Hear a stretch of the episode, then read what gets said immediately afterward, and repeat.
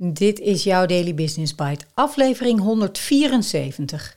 Empathisch leiderschap blijkt meest effectief op de post-corona werkvloer door de redactie van chro.nl en ik ben je host Marja den Braber. In tegenstelling tot wat vaak wordt gedacht, kunnen eigenschappen zoals empathie en mededogen worden getraind en ontwikkeld. En dat is precies wat er op de werkvloer moet gebeuren.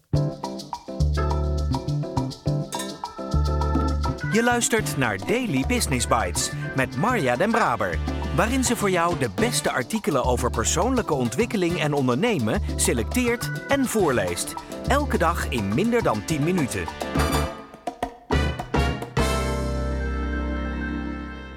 Een zorgzame benadering vermindert niet alleen stress en het risico op burn-out, het verbetert ook het leiderschap en zelfs het welzijn van bestuurders.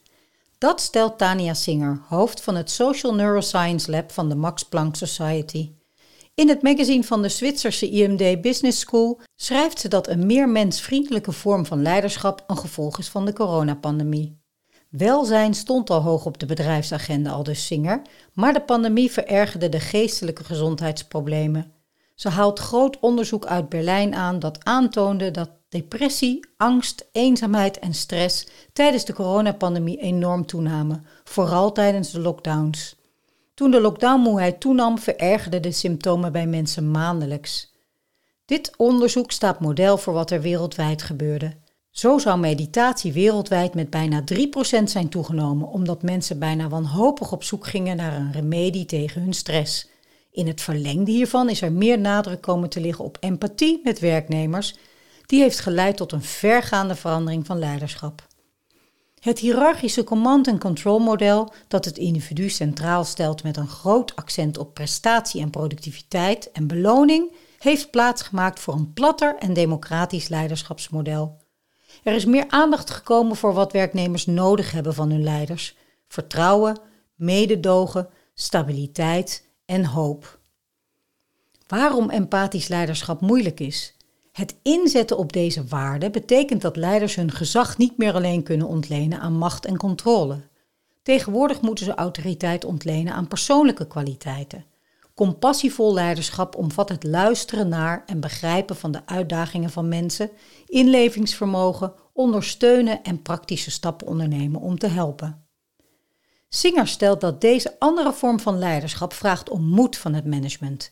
Leiders moeten soms toegeven dat ze niet altijd alle antwoorden hebben en kunnen zich niet langer verbergen achter bevelen en commando's. Ze moeten samenwerken om een oplossing te vinden. Dat kan ongemakkelijk voelen omdat leiders kwetsbaarheid moeten laten zien. Maar het levert iets op, betoogt Singer.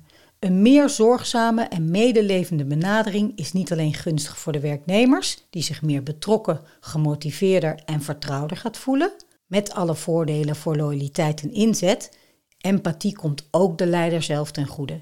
Die is allereerst ook een mens en ervaart net zo goed de voordelen van een meelevende benadering. Elke leider kan empathisch vermogen leren.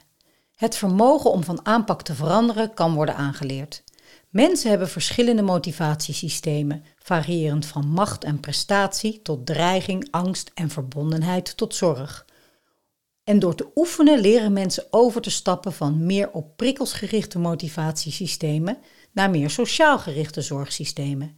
Dit werkt op dezelfde manier als hoe mensen piano, viool of tennis leren spelen.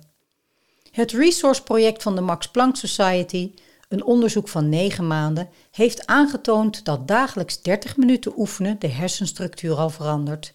Naast mededogen en empathie nemen ook ander prosociaal en altruïstisch gedrag toe. Dit vergroot verbondenheid en onderlinge afhankelijkheid, sociale vaardigheden die de sleutel vormen tot compassievol leiderschap. Daily Business Bites met Marja Den Braber. Je luisterde naar Empathisch leiderschap blijkt meest effectief op de post-corona werkvloer door de redactie van CHRO. Door een mail van Ernst Jan Fout, zijn nieuwsbrief is een aanrader trouwens, stuitte ik op Building Your Second Brain.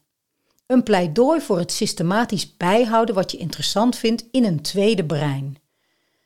De schrijver beschrijft mooi hoe een tweede brein ervoor zorgt dat je informatie op een persoonlijke en tijdloze manier benadert. Een tweede brein maakt onze ideeën concreet, laat nieuwe verbindingen tussen losse ideeën zien, is een broedkamer van nieuwe ideeën en scherpt onze unieke perspectieven aan. Zoals wel meer auteurs beoogt deze schrijver dat creatief werk vrijwel altijd een remix is van andermans ideeën en uitingen. Nou, deze podcast is daarvan het levende bewijs. 174 afleveringen alweer. En ik merkte dat ik steeds meer aan het zoeken ben naar die verbindingen tussen die losse ideeën of tussen de losse aflevering. En of het soms ook een broedkamer is van nieuwe ideeën. Ik heb het nog niet helemaal scherp, maar ik heb wel dit artikel gelezen over de systematiek van progressief samenvatten. Om zo dingen samen te vatten dat je de golden nuggets eruit haalt. En dat is misschien wel een waardevolle toevoeging voor deze podcast. Dat ik niet alleen deel wat ik ervan vind, want dat kan ik toch niet laten, maar je ook de golden nuggets uit elke aflevering of uit elk artikel aanbiedt. Waarbij het wel belangrijk is om te weten dat jij wellicht andere golden nuggets eruit zou halen dan ik. Maar let's give it a try. Dus voor deze aflevering. Empathisch leiderschap kan worden getraind en ontwikkeld. Het vergt moed om empathisch leiderschap te doen en command en control los te laten. Het levert wel op. Empathisch leiderschap is niet alleen gunstig voor de werknemer, maar komt ook de leider zelf ten goede. En dagelijks 30 minuten oefenen geeft al verandering, zelfs in de hersenen meetbaar. Nou, ik ben benieuwd wat je ervan vindt. Laat het me weten en ik spreek je graag morgen weer.